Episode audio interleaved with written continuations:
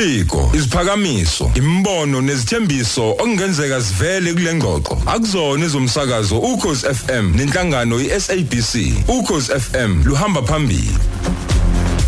Luhamba phambili ukhozi FM uma sithi ke ngempela amandla omnotho usekhona kugugulethwa kaXaba okuyena umhlaziyi eh wezomnotho. Asikubingelele mfo kaXaba eh shenge ngiyabingelela kuwe e-studio nabalaleli bokhozi. Asibheke namhlanje njoba siyayivala inyanga ye-entrepreneurship eh la isitsho khona ke inyanga yezamabhizinisi. Eh mhlamba ke sibheke nje eh, isifunda esaziwa ngokuthi ke eh, sesithupha emhlabeni.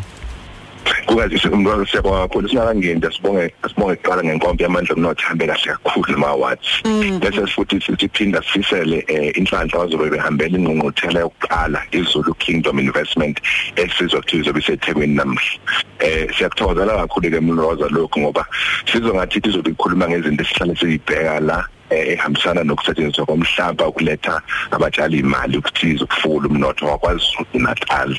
Eh sengathi konke kungahamba kahle kube impumelelo ngoba ilokho esikufunayo njengamanje eNingizimu Afrika. Mm, ake sibuke singene la kwi-6 region. Iyini It's- i-six region mroza mhlambe asikusho nje ukuthi em ngaphezulu kokuthi sikhuluma ngeinhlaka zezomnotho kule ngosi okuyinto ebalekile futhi ngempela. Asiqale nje sithi nxa sigubha lenyanga noma ukuphela kwalenyanga ekuthiwe entrepreneurship em sik- sik- sikubeka ukuthi i-United Nation eh yaqagula eh ukuthi eh ama regions emhlabeni kumazwe angaphansi kwe-United Nations awu-193 amahlanu kodwa yasiphi abisibeka ukuthi kunento ekuthiwa i-sixth region okungabantu labo ekuthiwa i-diaspora abangama-Afrika abahlakazeka nomhlaba wonke. Bagcina sebekhona emhlabeni wonke. Labo bantu bawumgogodla obalulekile kakhulu ekuthuthukisweni kwezomnotho ezwenikazi lonke lase-Afrika. Kube sekuya ngezwe ngezwe ukuthi libasebenzisa kangakanani noma lihamba kanjani kulo mgudu obizwa kuthiwa i-sixth region ukuze sikwazi ukuyithuthukisa. Khumbula ngikwazi ukuthi nxa sikhuluma nge-entrepreneurship sikhuluma ngento ngohlaka olubaluleke kakhulu oluyedinga ukuthi ngisakuthiwa uzalelwe eh kwaceza noma kwanongoma. Ungabi umuntu wanongoma ngokomqondo kodwa kufanele ukwazi ukuthi wenze lokho abathi you are thinking global but acting local. Ukwazi u- ukunwenwisa umqondo wakho. Uhlakazeke ukwazi ukuhambela kwezinye indawo uthola abantu abazokusiza ngaphezulu kokuthi uzalwa kuleyo ndawo. Ikhona namhlanje thatha ibhekele six region ikhuluma ngediaspora okungabantu abangaphandle abangama-afrika abaphila kwamanye amazwe akhona emhlabeni. Mm. Eh, u- u- uma usakhuluma nje kanjalo u- mangaki mhlamba ama-Afrika ngabalelwa kusiphi isibalo a- a- akwi diaspora Uzokhumbula, Mroza, Mroza kunjalo 2 weeks ago i-United Nations iya reporta ukuthi la eh, emhlabeni sesinabantu abasikhulu gidi esishaka lo mbili kushuthi ngaphezulwana kwa8 billion. Abantu sebakhule kakhulu ngokwenani emhlabeni. Ucwaningo luthi cishe abantu abazalwa emhlabeni bayisihlanu ngesecond bese kuthi abashonayo baba babili ngesecond. Lo usho ukuthi ukukhula kwabantu emhlabeni kukhulu kakhulu. Nathi esiningizimu Afrika sesithe ukuthi xaxa ngaphezulu kwa60 million. Laba abantu ke sikhuluma ngabo bangaphezulu kwa 140 million emhlabeni wonke jikelele. Ukungama Afrika asakazeke nomhlaba ekumele sikwazi ukufunda ukwasebenzisa ukuze sithuthukise imnotho yethu emakhaya. U- u- kuyinto lemroza engaziyo ukuthi siyithi qaphu qaphu phezulu kodwa sifuna ukuyithinta ngoba ukumqono kubaleka kwayo kwenza ukuthi eh eh, unyakaza kwethu njengama Afrika singabi abantu abanyakaza kuphela ngezinsiza siyithola ngaphakathi kepha ngokuhlakana nangokuchule babafowethu nodadewethu abangaphandle. Uqhamuka ne- ne- ne- nesifunda ebesingazi ukuthi sikhona eh nokuthi siyaphila.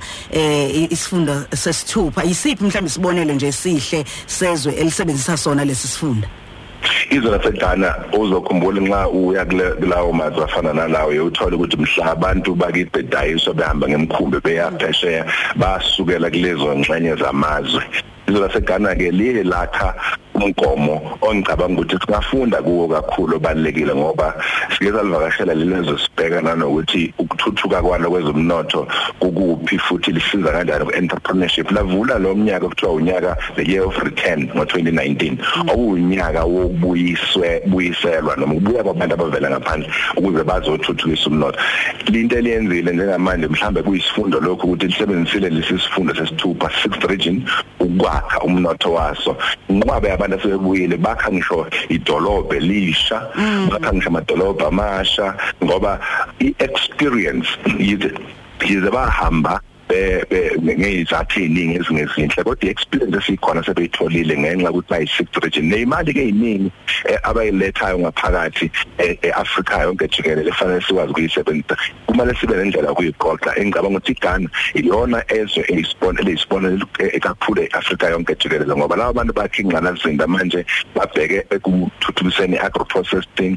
Yibo futhi abakha amathuba okukhiqiza ugesi ne-tourism nokukhiqiza lemikhiqizo eminingi ehlukahlukene ehlukene besabuya nje beza eGhana eh kubonakala abantu abaningi bebuya bezokwakha beba namaplazi belima nani nani umhlaba mningi eGhana.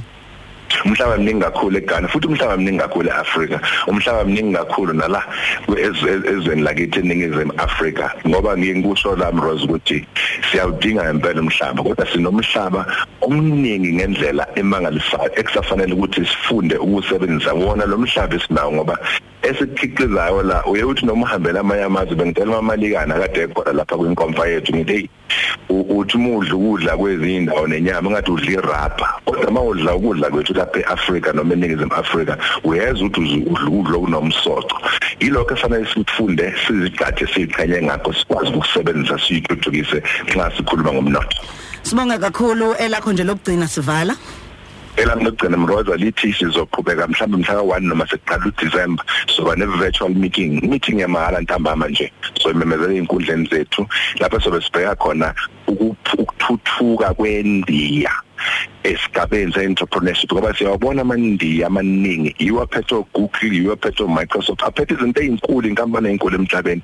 Onokuningi nokuhle singakufunda kubona ekuthenini bayithuthuse kanjani bona kwezomnotho. Amandla. umnotho.co.za website yethu ne Facebook page amandla omnotho. Kanti uyakwazi ukuthi ukhoze FM podcast yethu uyakwazi ukuthola ke amandla omnotho. YouTube channel kanjalo ke naku amandla omnotho TV sibonge kakhulu mfoka Xaba Kodwa